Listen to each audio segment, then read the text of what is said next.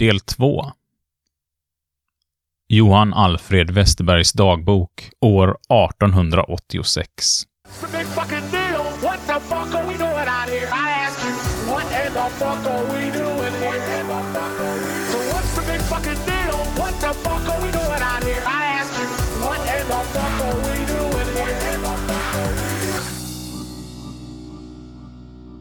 Söndagen 31 oktober 1886. Mulet.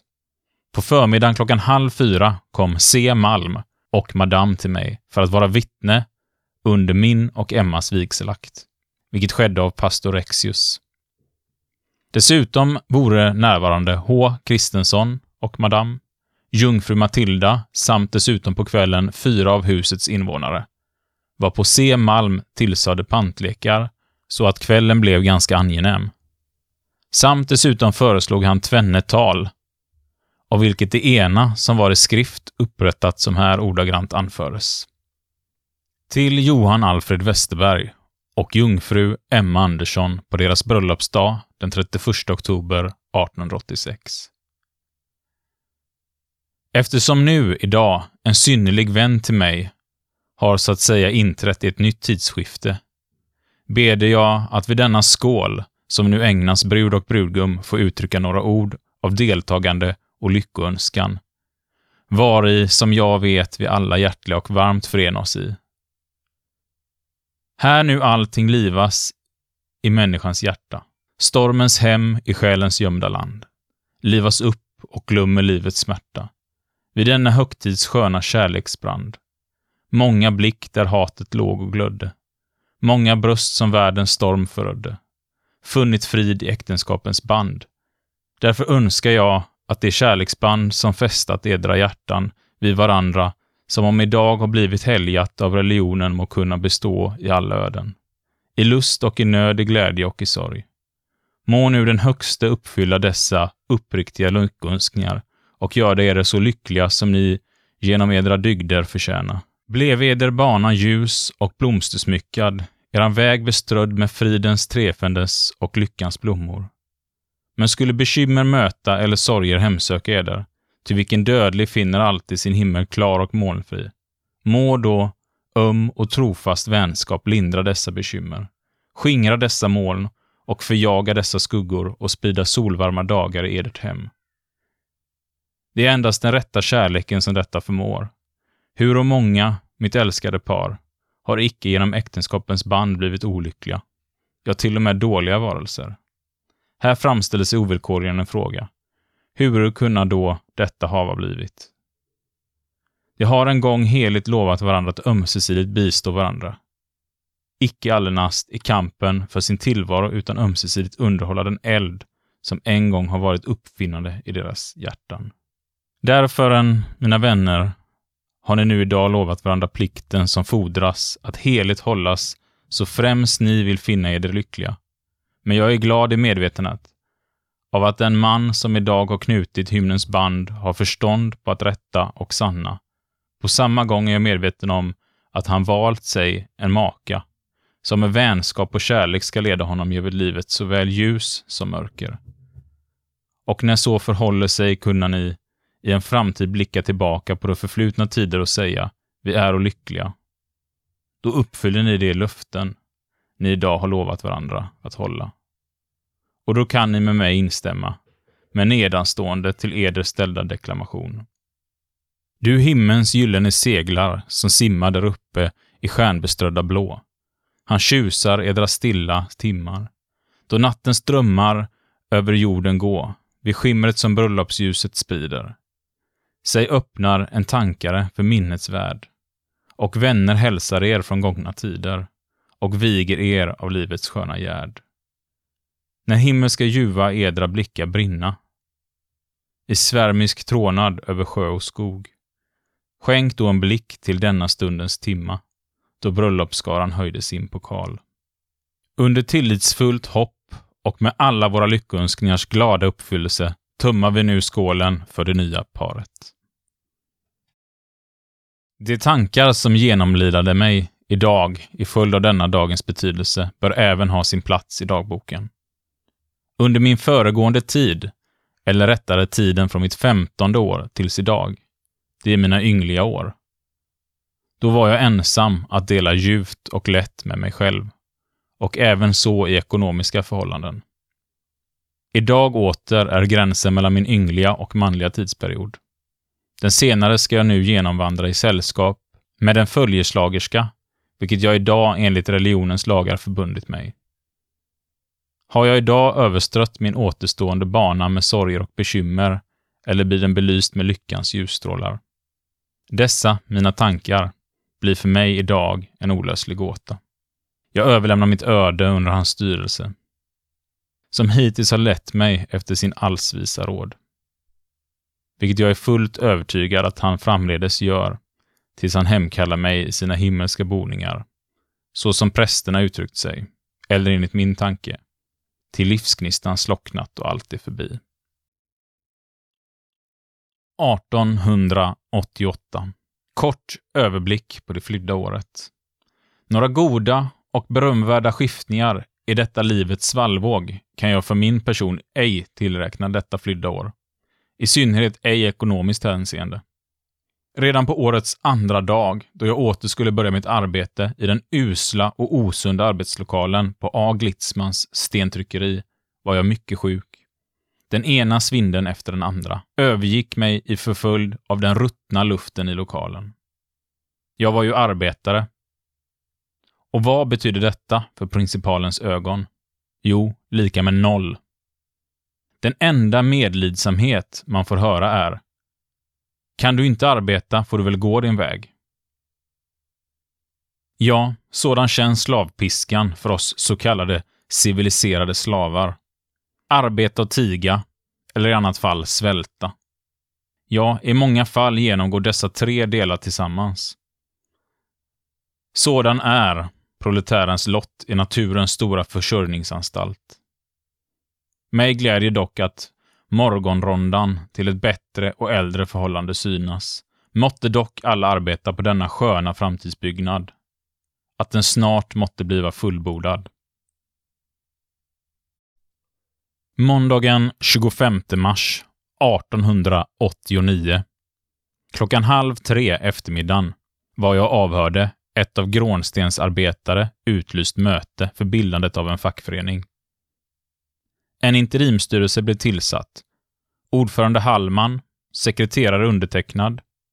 Dessutom blev tillsatt av en kommitté för att utarbeta stadgar med mera. Jag, Hallman, Oskar Arvidsson A.G. Johansson, Jo Svensson. Söndag 18 augusti. Idag inskrev jag mig till medlem i Socialdemokratiska föreningen. Söndag 18 september 1889. På förmiddagen var jag och hustrun i Annedal och hälsade på familjen Ljungqvist. Vi söp duktigt. Därefter klockan två under sjukföreningen Bergets möte. Omnämnande förening upplöstes de återstående penningarna skulle utdelas, men kassören hade ej fått den från banken. Klockan halv sju på eftermiddagen var jag på samma ställe, Gottemplarelokalen, Allégatan nummer 12, för bildandet av en ny sjuk och begravningskassa, där jag blev vald till sekreterare i interimstyrelsen. Det rejälaste från de gamla föreningen antogs.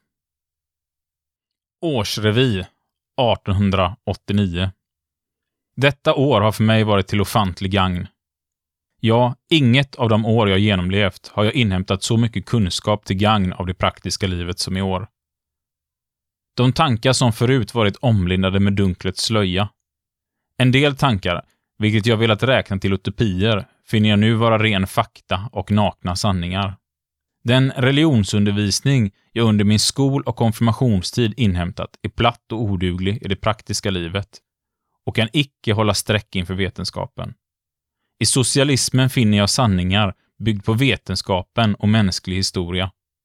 Ännu har jag så mycket säga inte lärt mig mer än A och B, men min uppgift ska bliva att därunder inhämta så mycket vetande som min förmåga står, samt bliva en trogen lärjunge på det fackliga området. Torsdagen 1 maj 1890. Idag slutade vi arbetet på middagen för att deltaga i demonstrationen för åtta timmars arbetsdag.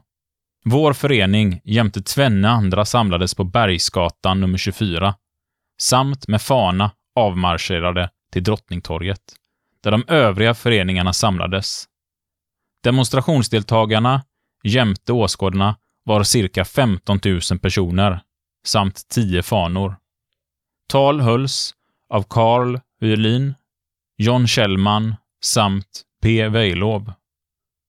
Efter demonstrationen var jag hemma hos arbetskamraten J. Olin och söp rätt tappert. Söndag 30 november. Idag klockan halv tre var jag, Bergsten samt A.G. Johansson såsom ombud från Gråstensarbetarna närvarande under Göteborgs arbetarkommuns bildande. Elva stycken fackföreningar hade tillslutit sig till kommunen. Sammandrag av år 1890. Deltagit i demonstration för åtta timmars arbetsdag den 1 maj samt deltog i mottagandet av Per Erikssons frigivande ifrån sitt ettåriga fängelsetid från cellfängelset 1807. Deltagit i tvenne lustresor.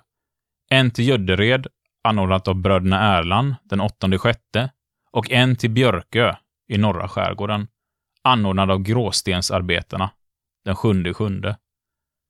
Under familjeförhållande kan antecknas dotterns sjukdom i mässling 14 andra och död den 19 i tredje samt begravning 23 i tredje.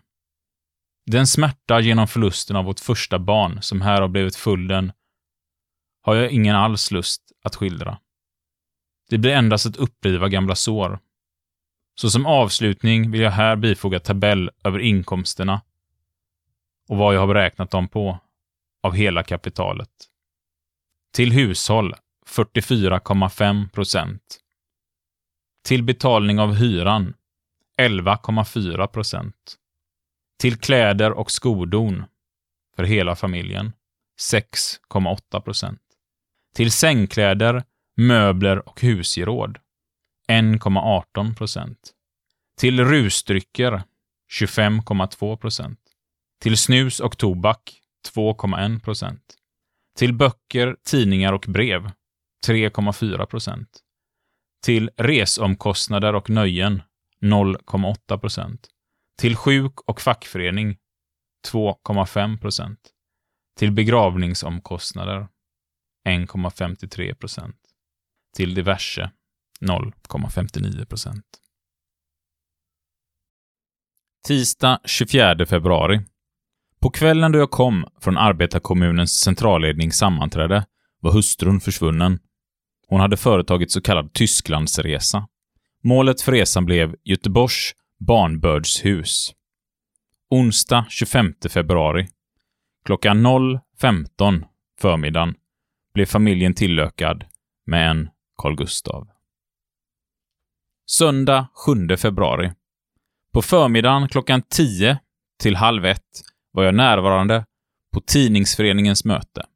Där beslöts att Fredrik Sterky skulle bliva redaktör för arbetarnas nya tidning som skulle kallas Ny Tid. Klockan två till fyra avhörde jag föredrag över ämnet Socialismens genomförande av F. Sterky. Måndag 15 augusti. Idag på morgonen började nykterheten att bliva vårt mål för tre veckor. Vilket överenskoms av mig, Alfred Nordberg, G.A. Hansson samt August Håkansson. Den som häremot bryter ska plikta en liter konjak. Söndagen 28 augusti. Klockan 10 till 12 på förmiddagen var jag och A.G. Johansson på Byggnadssnickare och Timmermansförbundet för att få dem att deltaga ut i arbete med oss byggmästare får fredagen fastställd till avlöningsdag. På eftermiddagen deltog jag ut i demonstrationen för allmän rösträtt arrangerad av Göteborgs arbetarekommun. Jag var tidnings och broschyrförsäljare. Under fanorna, bestående av 11, deltog 18 föreningar. Samlingsplatsen var Järntorget, samt avtågade klockan tre till Karlsro, där tals hölls av Fredrik Sterky över ämnet allmän rösträtt och folkriksdag. Av A.C. Lindblad över klasskampen och dess vapen, samt av A.H. Janekt över solidariteten och internationalitet. Efter dess slut gick jag och en gammal kamrat, H. Kristinsson, in i staden, varpå jag medföljde till Sörliden nummer 24, där H. Kristinsson var bekant med en och jag blev presenterad för hennes syster. Vi hade trevligt till tidigt på morgonen. Deras namn var Emma och systern Lovisa Dahlgren. Söndag 12 februari. Var närvarande på arbetarkommunens centralledning. Tidningskassan bestod av över 600 kronor skuld. För att för en tid fortfarande få tidningen tryckt beslöt att ta av föreningens tillskjutna 200 kronor samt lån av Stärky 200 kronor. Måndag 1 maj. Jag arbetade ej på hela dagen. Deltog i demonstrationen för åtta timmars arbetsdag. Anordningen lika med föregående år.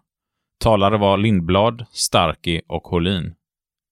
Antalet demonstranter under fanorna 1500. Jag sålde ny tid under dagens lopp. Söndagen den 3 september. Klockan sex på förmiddagen uppsteg jag ur sängen för att skyla min lekamän med ett fikonalöv som nu begagnats. Ty jag skulle med ångans tillhjälp placera min kropp i kretsen av mina föräldrar, syster samt broder Karl. A. Bergsten följde mig till stationen, där vi även träffade J. Färg, varpå vi tillsammans imyndigade tre flaskor öl. Klockan 7.50 avgick tåget. Jag inkom i en kupé som innehöll 16 av det feminina och 6 av det maskulina könet.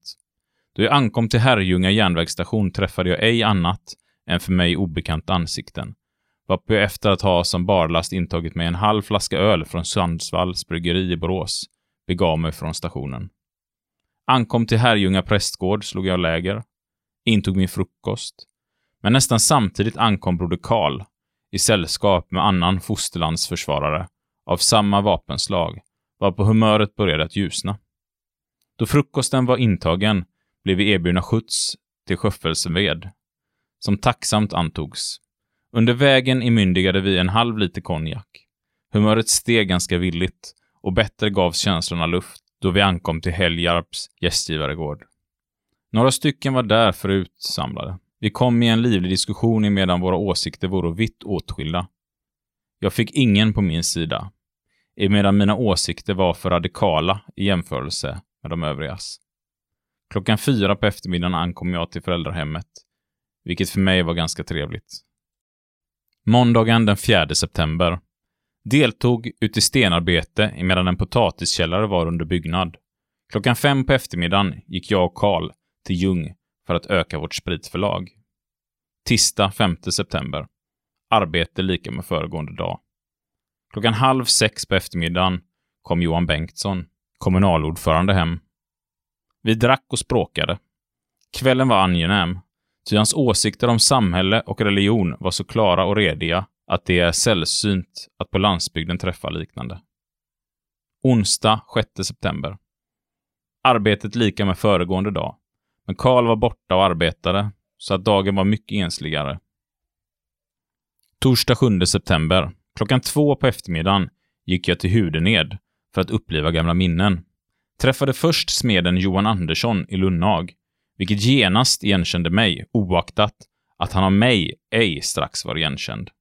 Under vägen från smedens bostad sammanträffade jag med min förra husbonde, nuvarande nämndemannen och langstingsman med mera, Johan Gustafsson i Hudened. Vid sammanträdet blev det endast växlat det på landsbygden vanliga hälsningssättet, god dag, av den enkla orsaken att vi på ingen deras sidan fullkomligt igenkände varandra. Något samtal kunde på den grund ej komma i fråga. Sedermera fortsatte jag på den gamla födelseorten. Under förbigåendet, Gudmänsvägen, samspråkade jag med Fredrik, varpå han återkom och jag blev då förvissad om att det var omnämnande Gustavsson. Jag följde med honom hem i enligheten med hans önskan. Under vägen dit så kom vi ett livligt samtal. Han bjöd på kaffe och brännvin, då jag vid sextiden gick därifrån samt förbi det soldattorp som ägdes av min far under hans tjänstetid och nu beboddes av en före detta artillerist och sjukvårdssoldat vid tredje batteriet, ingick jag där och hälsade på honom samt hustrun. Tiden gick fort och mörkret inbröts, så att jag kvarstannade till påföljande dag. Lördag 9 september.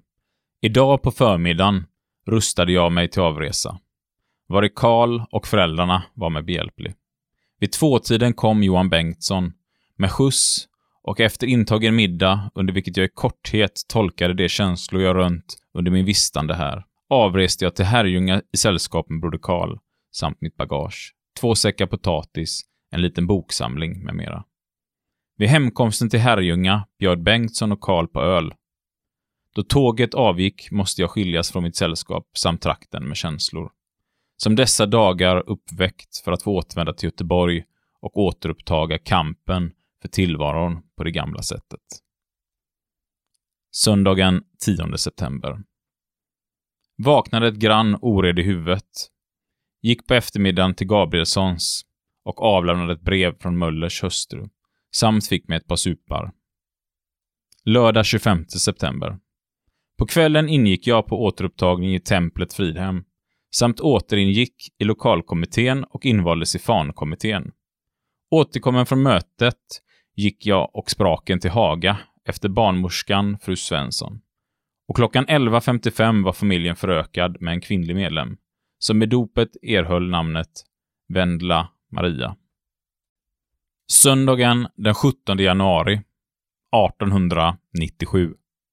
Klockan 10 till 11 var jag närvarande på sjukföreningen Bergfast möte. Uppläste revisionsberättelsen samt blev vald till revisor för år 1897. Klockan 12 till halv två avhörde jag föredrag av Otto Elmgren samt diskussion över frågan är de religiösa och sociala frågorna förenliga med nykterhetsfrågan? Om så är, vilken dera bör man giva företräde? Jag författade och uppläste resolution som allmänt antogs. Klockan två till halv fyra var jag närvarande i logen Tors möte. Barmhärtigheten och social rättvisa. De tre sistnämnda mötena avhölls i arbetarkommunens lokal Bagaregatan. Onsdagen den 18 augusti var närvarande på logen Götas möte och inledde diskussionsfrågan vilka är de största orsakerna till absolutismens uppkomst och framgång? Torsdag 19 augusti. Arbetet upphörde klockan fyra eftermiddagen, iföljd av regn, vilket tilltog i sådan styrka att här på platsen ej var det dylikt i mannaminne. En del gator var i stor utsträckning förstörda. Klockan halv åtta på eftermiddagen, då jag inkom i arbetarkommunens lokal, regnade och blixtrade det med sådan styrka att talarna ej kunde göra sig fullt förstådda. Men det var icke länge Ändamålet med mitt besök i lokalen var enligt från Grovarbetareförbundet härstädes inbjuden för att besluta hur det kan låta sig realiseras att gråstensarbetare, grovarbetare, hantlangare, pålare etc. anslöt sig till Svenska Grovarbetareförbundet. Dess ordförande herr J. Jönsson var närvarande och i länge anförde klargjorde frågan om betydelsen för att sluta sig till nämnda förbund.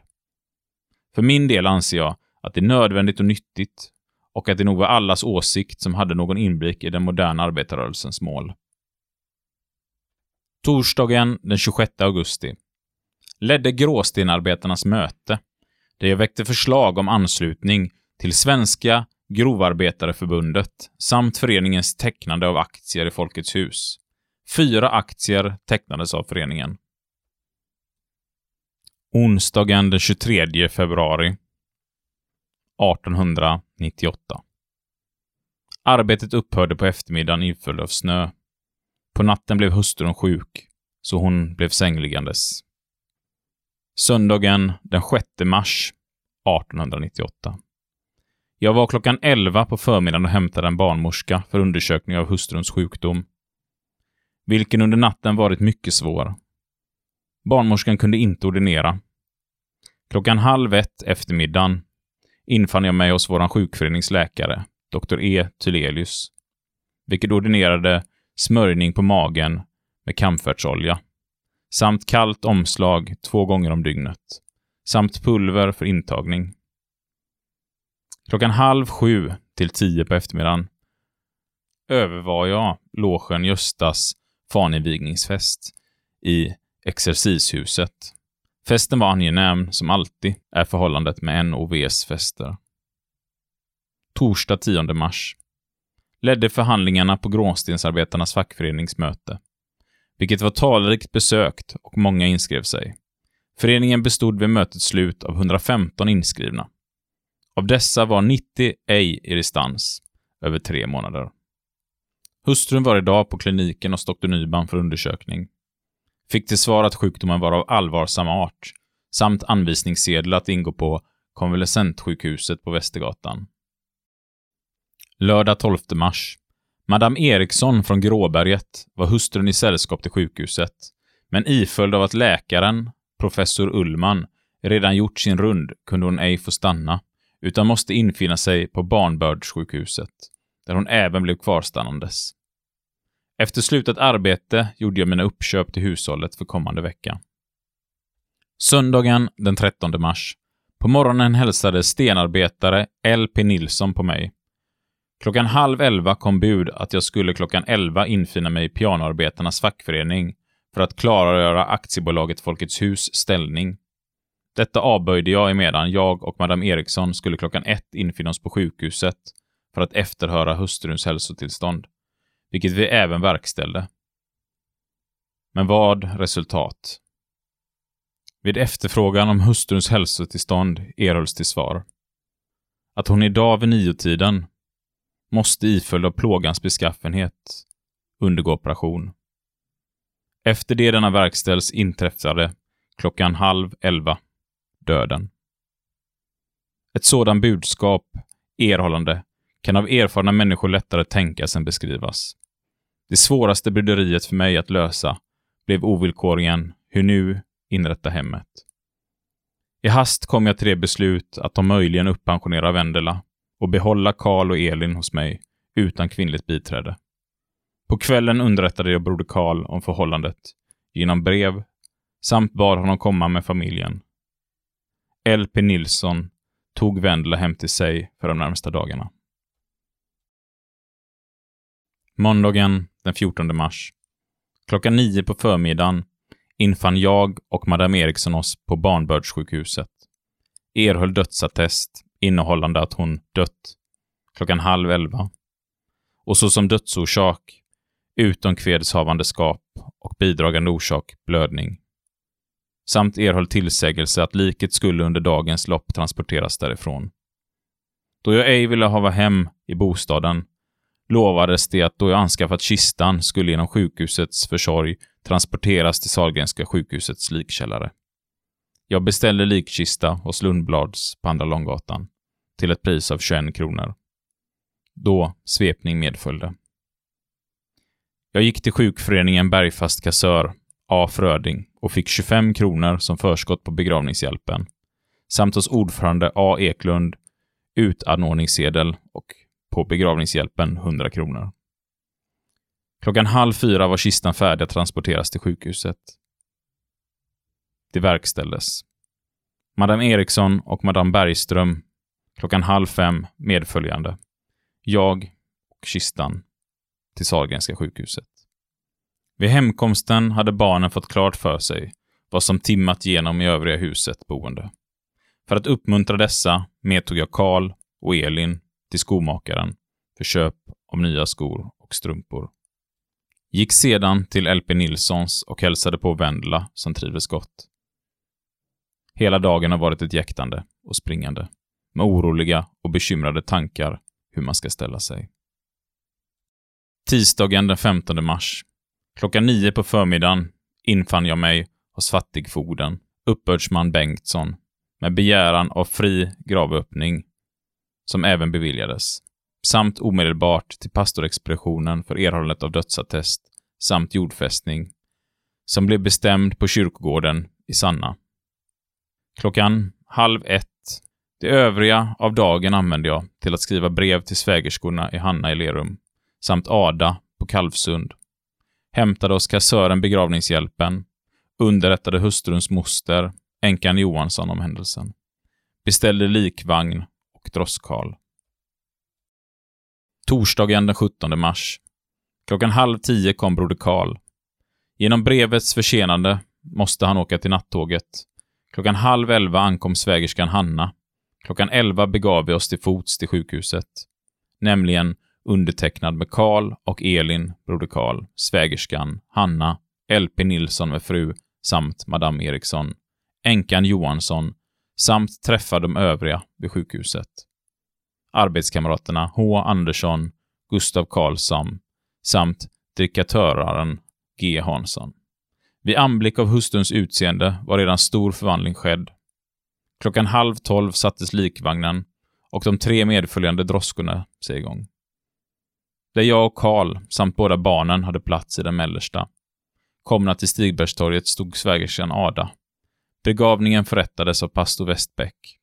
Efter begravningsakten körde droskorna oss till min bostad, där samtliga stannade ett par timmar, samt undfängandes med kaffe, med dopp samt saft. Broder Karl och Hanna stannade kvar hos mig. Jag anmodade moster, änkan, Johansson, att sluta arbetet på Gamlestaden och bliva min hushållerska. Hon syntes ej mot förslaget, men ville ej angiva något bestämt svar för en lördag eller söndag. Innan jag fortsätter med anteckningarna över förhållandena som enkeman vill jag för en stund stanna och undersöka de inre känslorna över hustruns bortgång. Att dessa, för var och en som blir stadd ut i sådant förhållande som jag, är olika allt efter kärleksbandens styrka är helt naturligt. För att någon mån visa min kärlek till hustrun och dess olika skeden är det nödvändigt att framställa en kort redogörelse över hennes egenskaper som hustru och moder. År 1885, den 3 augusti, gick jag under arbetstiden till Haga på bolaget Dampen för att taga mig en sup. På återvägen till arbetet träffade jag Alén, mitt för Haga kyrka, min blivande hustru. Efter ett kort samspråk åtskildes vi, utan att direkt väckt några ädlare känslor för varandra. Under tiden 8 till 28 samma månad låg jag på sjukhuset utan att personligen vidare talat vid henne. Varför jag den 17 skrev ett brev med förklaring att min önskan var närmare bekantskap. På detta brev erhöll jag ofördröjligen svar och skrev ytterligare den 24 samt den 29. Då gav vi så tillfälle till en personligt samtal, vilket efter trenne veckors förlopp ytterligare förnyades. Allt nog. Jag började allt mer och mer älska henne. Vårt personliga samtal blev under den tiden 26 oktober till 18 november avbrutet genom min resa och luft till Stockholm. Men vid återkomst, eller den 20, blev åter personligt sammanträffande. Den 21 mars 1886 förlovade vi oss och flyttade påföljande samma dag tillsammans. Samt i egen lägenhet den 1 april. Dagen därpå, eller den 2 april, gick vi till pastorexpeditionen för uttagandet av lysning. På expeditionen erhöll jag kännedom att hon har fött barn, vilket hon låtit mig sväva i okunnighet om, samt kunde ej erhålla lysning i följd av att hon ej var kyrktagen härför. Redan då började hos mig hatet insmyga i följd av att hon ej spelat öppet spel. Och under den närmsta följande tiden förekom ofta trätor i följd av hennes osannfärdiga uppgifter i åtskilliga förhållanden. Hon förstod likväl konstigheten att förhindra skilsmässan, utan den 25 juni uttog vi lysning och den 31 oktober vigsel. År 1887, den 18 juli, framförde hon en dotter, Gertrud Maria, som genom döden avgick den 19 mars 1890. 1889, den 12 februari, framförde hon dottern Elin Alfrida och år 1891, den 25 februari, födde sonen Carl Gustav. Kärleken till hustrun blev aldrig mer än ljum. Dels i följd av hennes hemlighetsfullhet och dels av hennes alltid framskymtade svartsjuka. Att hon under en i denna tid någon mån hade anledning till svartsjuka vill jag ej förneka, men orsaken härtill kan med uppriktigt samvete skrivas på hennes konto. Men jag fick ej framleva mitt liv med henne under den ljumma kärleken. Det blev fullständigt utslocknat den 21 oktober 1891, då hon av detektiva polisen blev häktad för flickstöld. Jag vill ej här omskrivna den ledsna och smälek jag härigenom måste utstå, utan hänvisar till dagboken för omnämnda tid. Den 28 oktober utsläpptes hon från rannsakningen samt blev härför dömd till åtta månaders straffarbete, samt avtjänade straffet 1892. Den 27 februari till den 21 september. 1893, den 25 september, födde hon dottern Vendela Marie. Vad som under dessa senare år sammanhållit familjebandet har varit min alltid varma kärlek till barnen. Och nu efter hennes död är hela min tanke riktad på deras uppfostran. Jag har under den äktenskapliga tiden hämtat bittra erfarenheter och ser det osunda och skadliga i det kyrkliga äktenskapets svåra upplösning. Söndagen den 20 mars. Jag var närvarande på sjuk och begravningskassan Bergfast möte. På eftermiddagen gick jag och broder Karl till museum, därefter till hustruns moster, änkan Johansson, för att efterhöra orsaken varför hon, efter givet löfte, ej kom som hushållerska. Hon svarade att hon måste avböja förslaget medan hon fruktade att jag i en snar framtid skulle gifta mig och att hon härigenom blev överflödig och kunde då ej åter börja på fabriken. Efter denna förklaring gick jag därifrån till fattigvården på Gibraltar. För att möjligen därifrån erhålla något äldre hyggligt fruntimmer. Vaktmästaren, till vilket jag framförde mitt ärende, förklarade att han trodde att det blir svårt att därifrån erhålla något lämpligt fruntimmer. Men om jag önskade detsamma måste jag under expeditionstid hänvisa mig till kamreren, major Ruter. Jag och brodern kom emellertid till det beslutet att bortkasta denna tanke. Jag kom emellertid på den idén att försöka förmå en bekant, Madame Matilda Höglund, vilket jag träffade i Haga, då jag efterföljande till Järntorget i sällskap med brodern och svägerskan Hanna, som skulle avresa till Lerum. Matilda Höglund lovade att åtaga sig uppdraget. Måndag den 21 mars. Började idag att arbeta. På middagen kom broder Karl till mig. Mitt i arbetet, för att säga ett adjö. Skilsmässan kändes smärtsam och i övrigt hela min belägenhet. På kvällen kom Matilda Höglund och började sitt arbete som husmoder. Tisdagen den 18 juni 1901. Idag, klockan halv tio på förmiddagen, önskades min familj av ytterligare en medlem tillhörande det feminina könet, som tycktes ha brått att skåda dagens ljus, emedan hon personligen gjorde sig synlig tvenne månader före den tid som naturen bestämt. Låt mig nu se att hon under hela sitt liv och kampen för detsamma alltid förblir en föregångare. Och gör hon detta, då ska jag känna mig stolt och glad om hon ut i sin ålderdom även skulle skiljas två månader för tidigt. Tisdagen den 26 november. Klockan halv två på eftermiddagen kom ungkaren och meddelade mig om den sorgliga underrättelsen att min lille älskling John Edwin vid middagstiden redan gjort sitt dagsverke på vår planet. Klockan fem på eftermiddagen var jag och Emma på polisstationen på Långgatan för att inför kommissarien avlämna rapport om dödsorsaken. Iföljd av att distriktsläkare Nordenfelt ej hann till vår bostad förrän döden redan inträtt. Han blev underrättad om sjukdomsfall. Klockan halv nio på förmiddagen på eftermiddagen blev hustrun och barnen sända till Epidemiska sjukhuset och vår lägenhet desinficerades. Vid sjutiden på kvällen bar jag och Johansson pojken till stadens bårhus samt låg under natten hos N. Nilsson. Jag vill idag undanbeda mig att skildra min saknad och sorgsna känslor. Onsdagen den 27 november.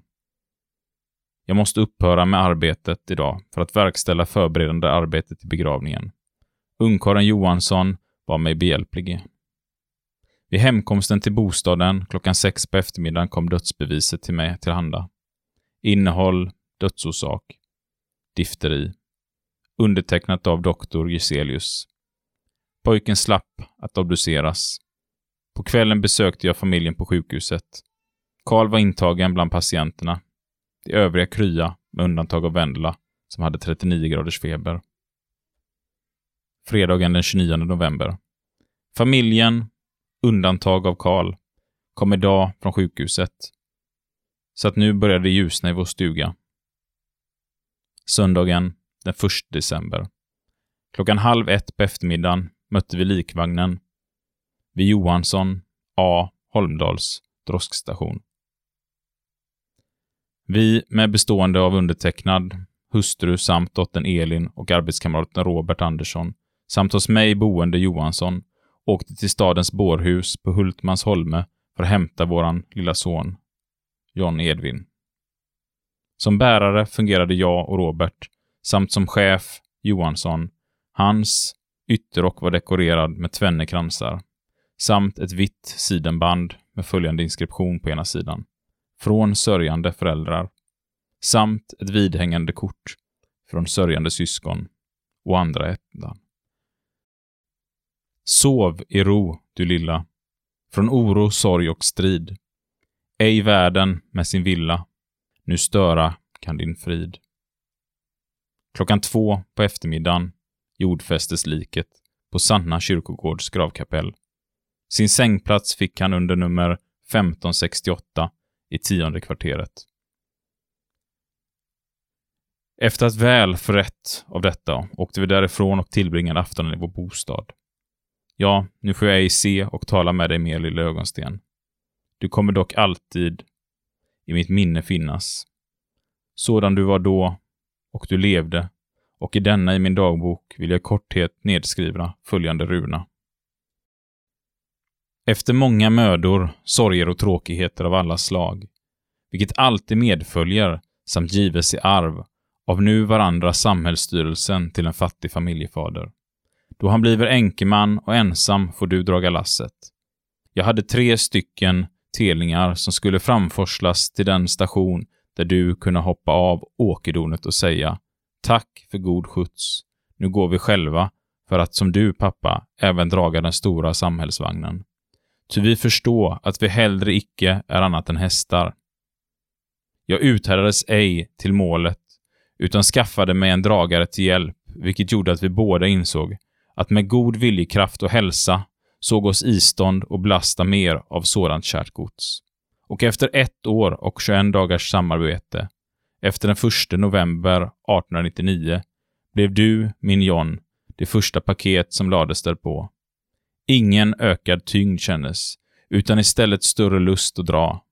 Efter ytterligare en tid av ett år, och åtta månader och 18 dagar, eller den 19 juni 1901, la vi åter ett paket på vår vagn.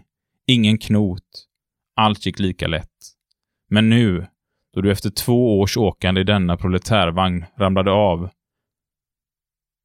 känns det tungt och tråkigt. Många gnäggningar kommer vi att göra, då vi tittar oss tillbaka och saknar vår älskade paket, Nonne. Lika är förhållandet med dina före detta medpassagerare. De ropar även var är våra nonne. Pappa och mammas nonne. Men hur vi alla ropa är det fåfängt. Du är och förbliver borta och kan icke mera åka den västbergska familjeproletärvagnen. Därför kan vi endast säga Tack för de korta, men roliga stunder du med ditt joller berett oss. Dessa minnen får du så väl som vi taga med oss i graven. Ty du har icke åkt på någon vagn där varenda öga betraktar dig och varje tunga omtalar ditt görande och låtande. Oaktat detta vilar du lika gott och vår sorgens och saknadens krona är lika skön. Och här väljer vi att avsluta utdraget ur Johan Alfred Westbergs dagbok Vill ni höra mer om Johan Alfred Westberg så finns boken Gråstensarbetaren, J.A. Westbergs dagbok 1885 till 1907 av författaren Carl Olof Andersson. Eller så fortsätter ni hänga med här för att vi kommer nämligen strax att intervjua just Carl Olof Andersson. Så vi kommer köra en liten kort jingel och sen så hoppas vi att vi har Carl Olof på tråden. Så säger jag hej och välkommen till Carl Olof Andersson. Tack. Både författare journalist och varit ledarskribent i många år på Aftonbladet. Eh, och du har hunnit med, ja, vi, vi småpratade lite innan här, allt mellan himmel och jord när det kommer till journalistik, känns det som. Eh, om, om vi tar och börjar lite i ändan här. Eh, du har börjat, du började skriva för, var det en S-tidning? Ja, jag började när jag var 16 eller 17 år på en liten lokal S-tidning i Växjö som heter Kronobergaren. Den finns tyvärr inte längre. Min nästa tidning är också nedlagd tyvärr.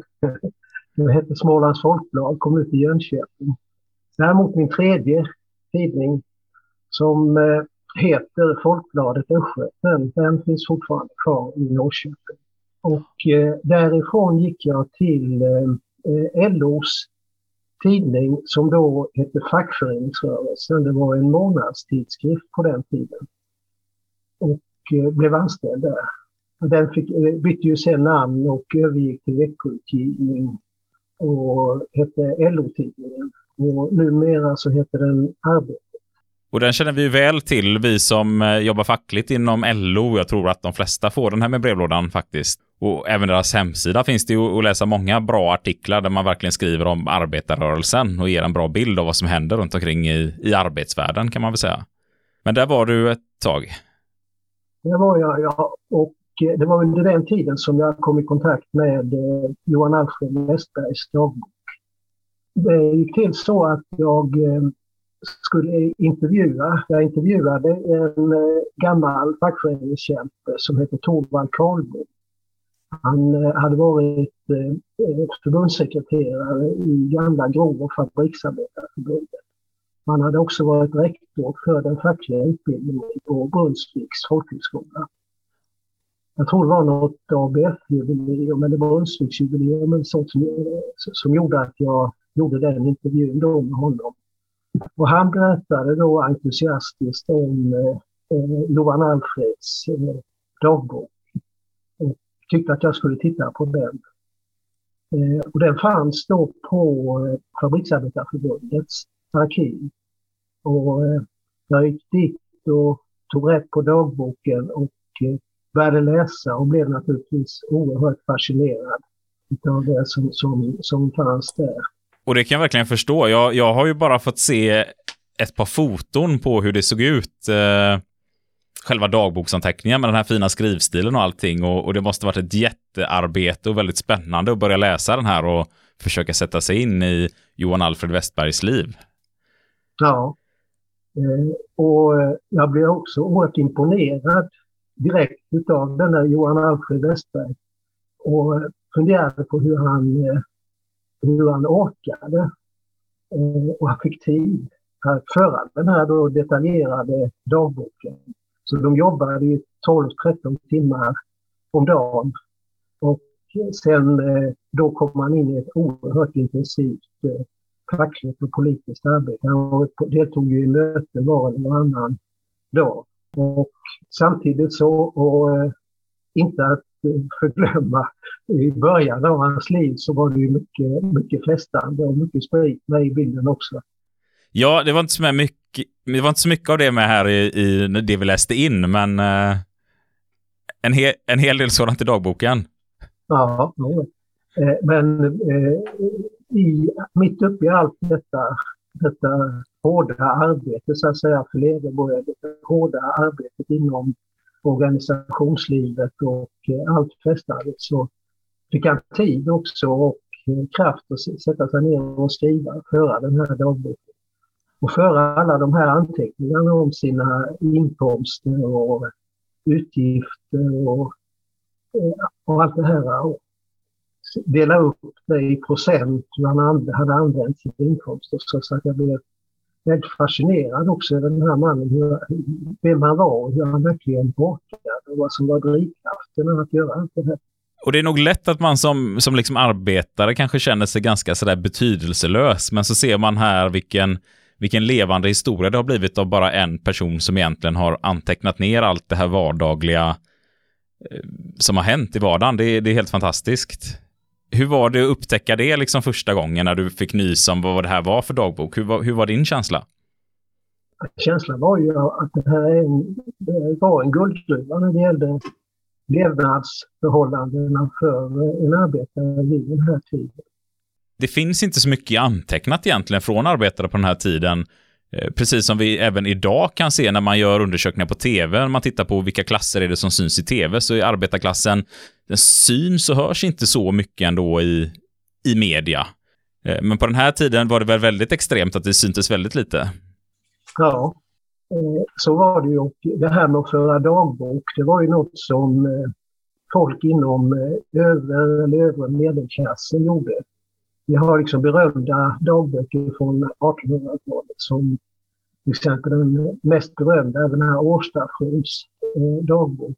Men eh, vi hade då innan, innan eh, jag hittade och gjorde eh, Johan Alfred Westbergs dagbok lite, lite känd så fanns det ingen motsvarighet då med en arbetardagbok.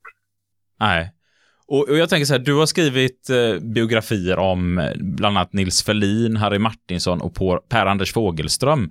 Hur skiljer sig att skriva en biografi av de tre väldigt välkända kontra Johan Alfreds dagbok? Ja, eh, när det gällde Ferlin och eh, Fogelström, Ferlin och eh, eh Harry Martinsson så fanns ju väldigt mycket skrivet tidigare. Så att eh, där kunde jag ju gå då på eh, på att läsa så mycket jag kunde komma över som hade skrivits om det och sen eh, så att säga, göra mitt eget utav det. Va?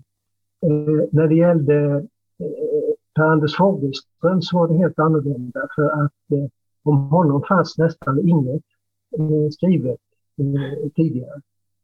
Och eh, så att där blev, fick jag göra ett pionjärarbete då, gå igenom eh, hans efterlämnade arkiv med manuskript och brev och titta på foton och eh, sånt. Ett, ett rätt stort arbete. Ja, kan du beskriva hur går ett sånt här detektivarbete till? Liksom? För det är, det är inget man bara gör och hittar sådär hur lätt som helst.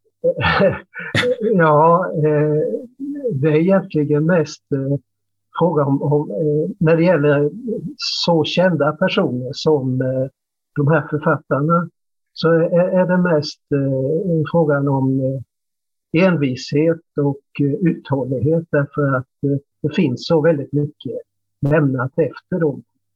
Eh, Fogelströms arkiv kan jag nämna, det fanns över tusen handskrivna brev som eh, han då hade, hade fått. Eh, en del av det han hade skrivit själv hade han tagit kopior på också, så de fanns. Så att eh, det var mycket att, eh, att eh, tålamod, att sitta och arbeta och, och jobba med det här.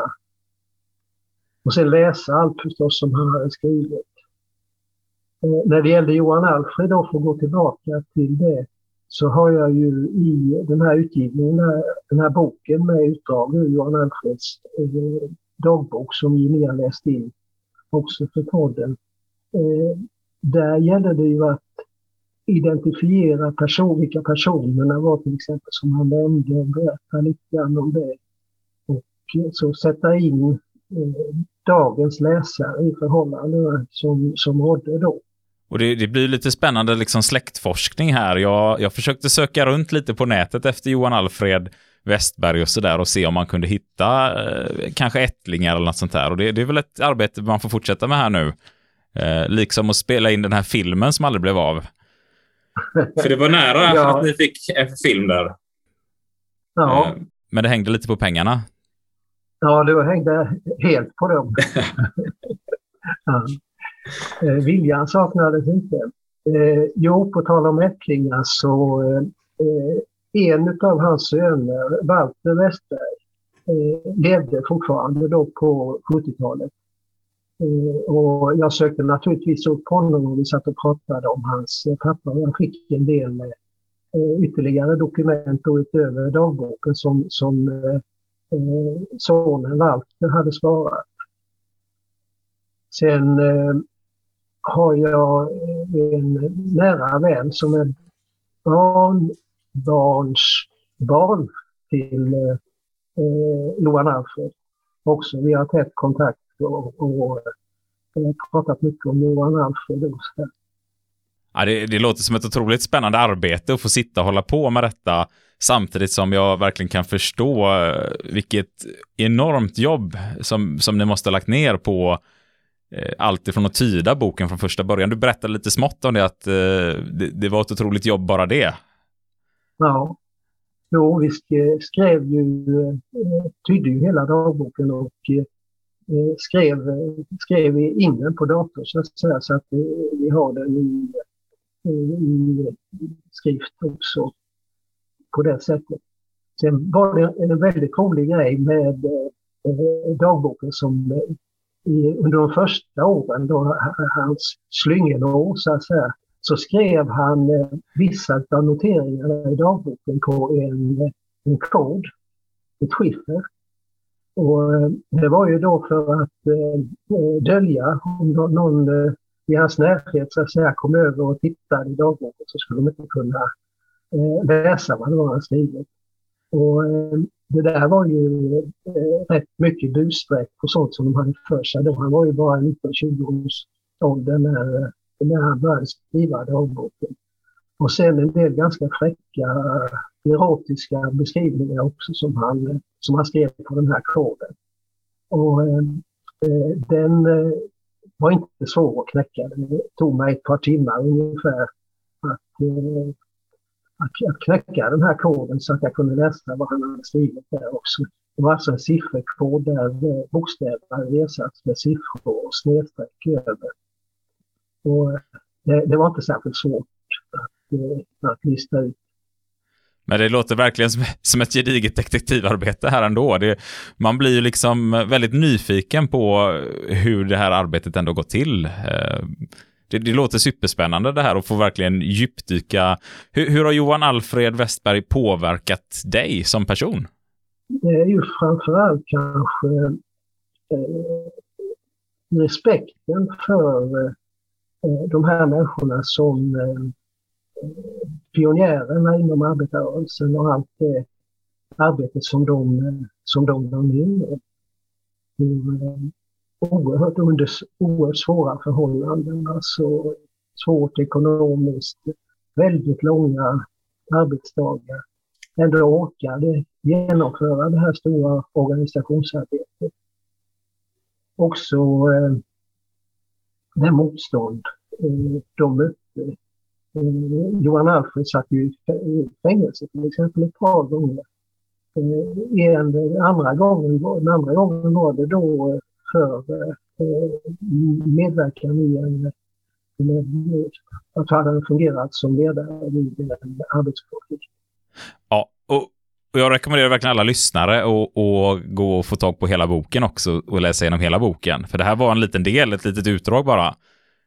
Jag kanske ska berätta då lite mera om vad som, eh, vad som finns i dagboken. Ja, det får du väldigt gärna göra.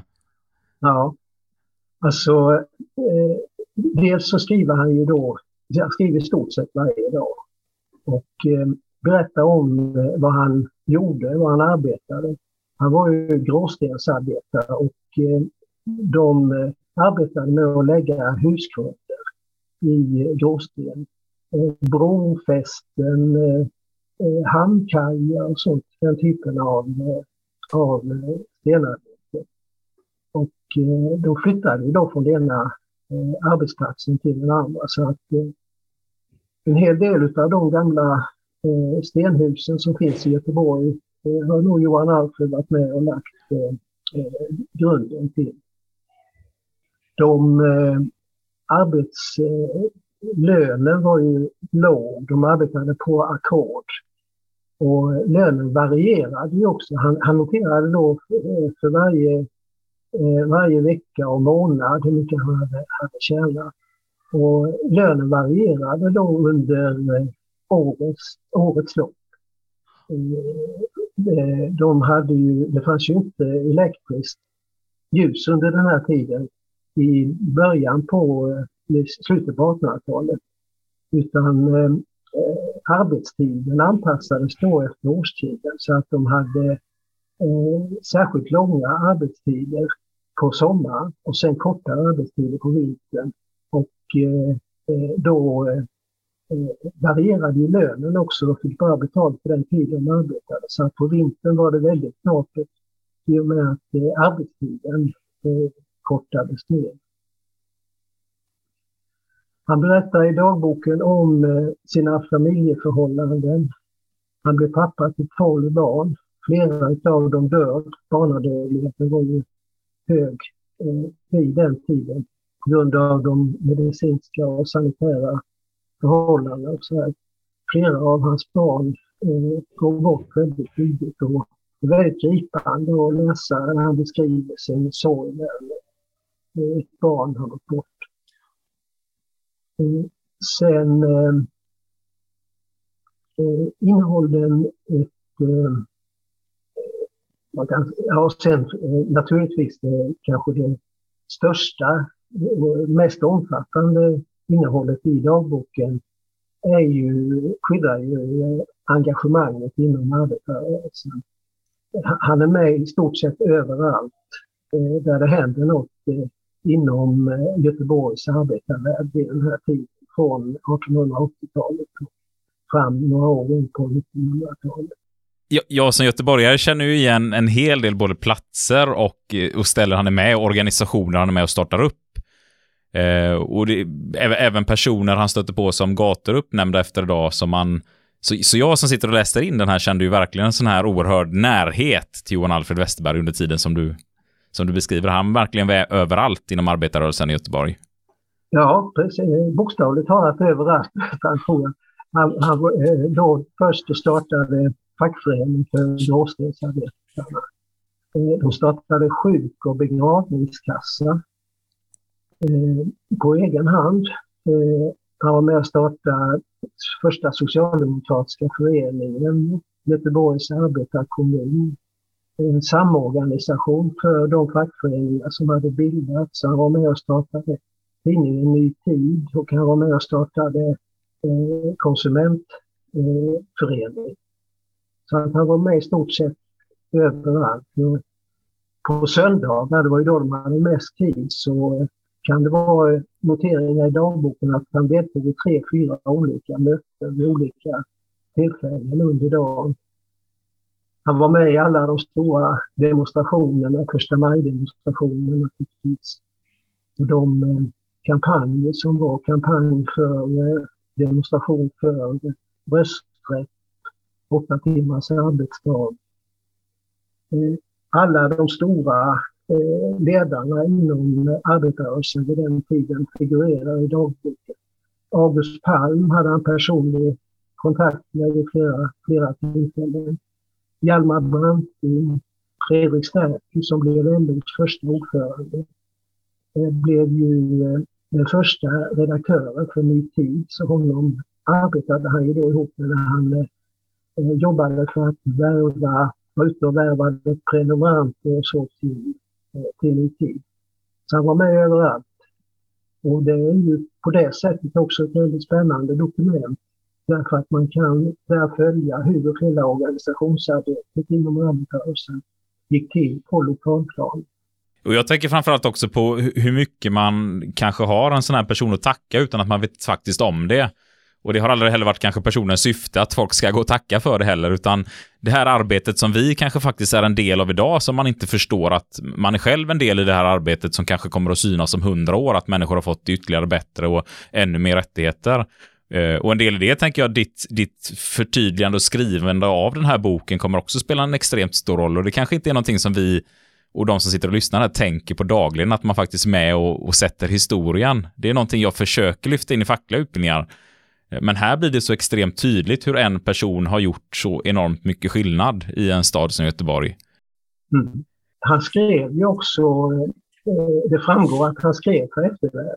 Han eh, skrev inte bara för sin egen sak, så att säga, utan han skrev för att han ville att det här skulle föras vidare och eh, läsas i framtiden. Han skriver ju då i förordet till eh, dagboken När mitt namn har försvunnit i glömskan snabbt ibland de då levande släkterna. Hänvänd er till denna bok, skriver han. Så att, eh, det var ju hans, hans tanke också.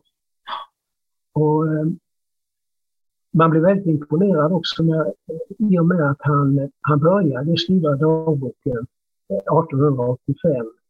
Och då var han bara 21 år. Och då fanns det ju inga arbetarförfattare. Det var ju före arbetarförfattare, så att han hade inga förebilder eller inspirationskällor på det sättet. De första arbetarförfattarna kom ju en generation senare, kan man säga. Eh, så att eh, det var av eh, egen kraft och egna idéer så som han började skriva. Det är, ja, men det är verkligen fascinerande och, och, och slående hur jag blev ju själv så att jag liksom kände att jag har aldrig läst någonting om vanligt folk från förr i tiden och speciellt inte när man har läst upp historia och sådana här grejer att man det är ju oftast kungarna, adelsmännen och prästerna man, man, man, får in all sin information för. Och du har skrivit både om 1800 och 1900-talets eh, svenska historia. Eh, men vad är det tidigaste som du har liksom funnit kring vanligt folk egentligen? Är det här ett av de dokumenten? Ja, det, här, det är det som jag själv har hittat. Eh, med, I arbetet med eh, boken om Per-Anders Fogelström så Eh, Eh, kom jag ju in på hans eh, och fick eh, ta del av hans, hans forskning. Han har skrivit en serie böcker som man kallar barnserier. Där den första boken heter Vävarnas barn och den andra heter Krigens barn och den andra heter Vita bergens barn. Och den här boken Vävarnas barn börjar på 1700-talet mitten på 1700-talet. Och eh, då, där skriver han om arbetare vid Barnängens textilfabrik, en av de första eh, fabrik, fabriksarbetsplatserna i, eh, i Sverige. Eh, och eh, han konstaterar då att eh, det fanns ingenting skrivet om dem. Och de hade inte lämnat något efter sig heller i form av brev och dagböcker och sånt. De flesta av dem var inte skrivkunniga. Utan eh, han har då fått, eh, gjorde ett enormt forskningsarbete för att försöka hitta, hitta de här människorna som letade i, eh, i eh, gamla förut papper från företaget där och vad arbetsgivaren hade skrivit om dem och, och så här. Och, eh, försökte med sin, fick också med sin, hjälp av sin skapande fantasi så att säga, leva sig in i eh, arbets, eh, hur, hur de här människorna levde och vilka de var. Så att, eh, där fick jag också starkt intryck av eh, värdet av det här att, att eh, forska i och få fram, eh, få fram hur människor levde, så kallat, så kallat vanligt folk levde. Fagerström lyckades ju väldigt bra med det. Han var ju oerhört skicklig på det sättet. Ja, otroligt hyllad, eh, framförallt från oss inom arbetarrörelsen. Eh, det är ett namn som ofta dyker upp. Eh, jag tänker om vi, om vi liksom tänker på den här Karl Alfreds eh, dagbok, eller Johan Alfreds dagbok, eh, och, och, försöker tänka oss, eh, är den aktuell idag tycker du? Du som ändå har liksom nu jobbat eh, som författare, ledarskribent och ja, du, du, har skrivit mycket om politik och fackligt arbete, men även om historia. Vad skulle du säga idag? Eh, hur märker den här ut sig idag? Jag skulle vilja säga att den är mer, eh, den kamp som Johan Alfred skildrar är eh, mer aktuell idag än vad den var när jag kom över den här dagboken och började arbeta med den på 70-talet. Eh, då seglade arbetarrörelsen väldigt starkt i medvind kan man säga. Eh, de, eh, de här stora arbetslivsreformerna genomfördes då med medbestämmande lag, ny arbetsmiljölag, förtroendemannalag och lag om studierätt, fackliga studier och alltihopa det den fackliga verksamheten växte enormt under, under den perioden. En väldigt stor skolverksamhet till exempel eh, inom fackföreningsrörelsen. Sen eh, kom ett eh, omslag, borgerligt regeringsövertagande 1976. Sen kom 80-talet med den här nyliberala vågen som gjorde att, att arbetarrörelsen och fackföreningsrörelsen eh, hamnade i väldigt stark motvind kan man säga. Och in på eh, 2000-talet har sen kommit eh, internationaliseringen och globaliseringen av ekonomin som har gjort att det har tillkommit nya svårigheter för den organiserade arbetarrörelsen och inte, då, inte minst då i fackföreningsrörelsen. Företagen flyttar över gränserna och investerar där lönerna är lägst. Eh, arbetskraft tas in eh, från eh, låglöneländer som får arbeta under dåliga förhållanden och med sämre löner.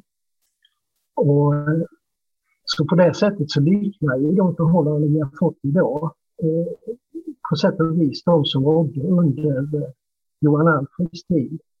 Och eh, det krävs nu då ett eh, nytt och, och starkt organisationsarbete för att eh, ta igen så att säga förlorad mark. Det gäller att organisera eh, de här, eh, organisera arbetskraft som kommer in utifrån, se till att de inte kan exploateras, att eh, vi får, eh, eh att de blir fackligt organiserade och eh, att de kommer omfattas också av eh, avtalen. Det är en jättekamp som är och jag tror att många tog det kanske för givet. När fackföreningarna var så starka under 70-talet så tog många det för givet och man kanske inte förstod att det här är någonting vi måste tillsammans fortsätta arbeta med. Eh, och här blir det ju så tydligt i, i det här. Och jag, jag, tänker på en hel del av det du säger nu eh, så känner jag att det stämmer ju in kanske på, på min generations fackliga arbete att man, jag känner igen mig mycket i Johan Alfred att eh, man upplever att man är på ställen där man försöker prata om varför det är viktigt med facket och ingen riktigt förstår och även den kanske socialistiska tanken att det känns ibland som att man pratar inför tomma öron och så ändå gör man, man kämpar varje dag för de här människorna. Jag satt häromdagen på fotbollsträning och folk satt och gjorde narr av fackligt arbete här. Eh, och så inser man att det, det, är de här människorna man ändå någonstans strider för och försöker liksom göra allting för, för att de ska få det bättre och givetvis mig själv och mina barn. Eh, och man slås någonstans av att det är precis samma tankar Johan Alfred gick med för över hundra år sedan här. Eh, precis samma vilja och kanske motsträvighet från vissa kollegor och folk i sin omgivning som inte riktigt har förstått värdet i det fackliga arbetet. Jag läste senast idag en artikel i Dagens Nyheter som handlar om eh, hur eh, skogsföretagen tar in arbetskraft från Östeuropa. De har visserligen avtal, men de följer inte dem. Eh, utan de eh, betalar sämre till de här, eh, de här arbetarna som kommer österifrån. Och oftast så vågar de inte protestera därför att då åker de ju bara ut så att säga, då blir de av med sina arbeten. Så att det finns många sådana. Ja, precis. Och det hade vi faktiskt med ett av poddavsnitten. Jag tror det kanske är avsnitt sex eller sju eller någonting när Ronny Mattsson från Grafiker och Skogsförbundet var med så nämnde han lite kring det här faktiskt. Eh, och jag läste också den här debattartikeln häromdagen eh, kring detta och så förstår man också att den här verkligheten som Johan Alfred levde i eh, det är så det faktiskt ser ut i många länder, både i, på Östeuropa-blocket Eh, och kanske även delar av Portugal och framförallt i, i övriga delar av världen. Att eh, det är verkligen så här det ser ut för de människorna och så förstår man vilken verklighet de sitter i för att komma igång med fackligt arbete överhuvudtaget. Samtidigt som vi läser om folk som blir både fängslade och mördade för det fackliga engagemanget. Ja. Vi kan nog räkna med till exempel en, en jättestrid här i Sverige eh, ganska snart för att det här e-handelsföretaget Amazon ska ju etablera sig i Sverige. Och de erkänner inte fackföreningar, eh, i varje fall inte i USA och eh, i eh, en rad andra länder där de är verksamma. Och arbetsförhållandena är oftast dåliga. Framförallt väldigt pressande, alltså att de tillåts inte ta raster och så här vidare. Men som sagt, Amazon vill inte ha med fackföreningar att göra och vill inte skriva kollektivavtal. Så att eh, där kommer nog att bli en fight eh, när, när de så att säga, ska köra igång i Sverige. Precis, och då pratar vi också om bransch där det kanske inte finns den här starka eh, fackliga anknytningen som det har funnits. Eh, möjligtvis för lagarbetarna, men ser vi på tjänstemän och kanske IT-tekniker som kommer att jobba för Amazon så märker man ju att där kanske man inte har den här grundtanken i fackligt arbete och vi börjar märka att tjänstemännen börjar närma sig allt mer Eh, samma plats som kanske arbetarna hade för många år sedan. Att man blir allt mer lättare utbytt eh, och därför går företagen hårdare på med när man kan exploatera och plocka in folk från andra länder även för tjänstemannayrken. Så att eh, det kommer ju nog vara någonting där fackförbunden måste hjälpas åt över alla gränser och avtalstillhörigheter för att... Det är väldigt viktigt med fackligt samarbete över gränserna idag. Det är nästan enda vägen om man ska komma rätta med de här problemen. Om vi går tillbaka till den här meningen då mitt namn har försvunnit i glömskans natt. Och så tänker jag även på hur jag kunde läsa i Johan Alfreds dagbok att eh, den världsbild han hade fått med sig från sin barndom kände han inte längre stämde in när han fick lära sig om fackföreningsrörelsen och sitt eget värde som arbetare. Alltså ganska djup djupa tankar, eh, både existentiellt och eh, filosofiskt liksom, vad, vad, tänker du kring detta? Jo, det finns ett väldigt starkt sånt eh, drag eh, hos Johan Alfred och, eh, som man märker när man läser dagboken. Att han har inte bara skrivit för att eh, eh, bevara och skildra eh, livet som, som det var då, det liv de levde. Utan eh, han skriver också för att eh, inför framtiden på något sätt själv överleva. Att eh, skapa ett minne av sig, av sig själv. Och eh, det är väl, tror jag, en, en stark eh, allmänmänsklig känsla det här att eh, eh allting ska inte vara slut utan att man ska på något sätt överleva inför framtiden. Han övergav ju väldigt tidigt den eh, sin religiösa barnatro så att säga. Han eh, skriver i dagboken att, eh, att den tro som han har fått i sig från barndomen har inget värde. Han kan inte tro på det. Men han har ändå någon sorts existentiell längtan, någon sorts funderingar om livet och döden dagboken är väl ett sätt kanske att man, man förstår att dagboken är ett sätt på något sätt, ett, hans sätt att eh, besegra döden på något sätt så att, så att det skulle finnas kvar någonting efter honom. Mer då än, än eh, hans barn och eh, som han ju då inte visste om, men som han ju sen har fått barnbarn och barnbarnsbarn och så vidare. Men no någonting utöver det skulle finnas kvar. För på den här tiden så är ju Sverige extremt religiöst och det märker man ju i början av dagboken med när framförallt där vi börjar 86 och man promenerar från Stockholm eller från Göteborg till Stockholm hur man stannar och man läser Eh, Eh, religiösa texter för varandra liksom och man pratar mycket om Gud och det här och det bryter han någonstans upp med och ska hitta någon ny form av eh, sekualiserad världsbild eller hur, hur ska vi uttrycka oss? Han, han, ska någonstans bygga upp en helt ny världsbild och, och tro eh, på hur han ska leva. Och jag kan tänka mig att det måste varit extremt svårt när på den här tiden kanske alla runt omkring en är väldigt religiösa.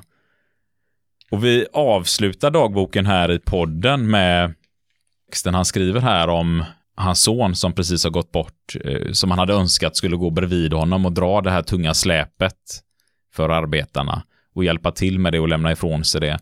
Eh, så man, man hör ju redan där hur det det finns någonting i honom att han vill att det här ska leva vidare, det får inte stanna med honom. Det, det är mer än bara en åsikt, det, det är liksom ett sätt att leva på och en, någonting man verkligen vill förändra. Han Eh, åtminstone en, jag tror flera av hans barn blev ju fackligt aktiva. eh, den yngste sonen Walter Westberg som eh, eh, ju levde fortfarande när jag började med det här var, blev ombudsman i Byggnadsarbetareförbundet till exempel. Ja. Byggnad, alltså Grov och Fabriksarbetarförbundet som Johan Alfred var organiserad i och som han var med och grundade Eh, delades upp jag tror det var i slutet på eh, 40-talet. Så att eh, eh fabriksarbetarna blev kvar i förbundet. Och den grupp som Johan Alfred tillhörde, alltså grundläggningsarbetarna, hamnade i Byggnadsarbetarförbundet. Så att eh, Johan Alfreds eh, eh, Johan Alfred och hans dagbok och det är ett delat arv kan man säga mellan nuvarande då IF Metall och eh, Byggnadsarbetarförbundet. Ja, precis. Och det, det var slående för mig, för det var inte det första jag tänkte när jag började läsa en dagbok, utan då tänkte jag ju i alla fall liksom Byggnads. Men, eh, men så fick jag ju nys om det här med att det var ju industrifacket man gick med i där också sen. Och, eh, det, det, är spännande att se också historien kring hur fackförbunden bildas och Göteborgs socialdemokratiska förening och ja, det är verkligen historia i allt här.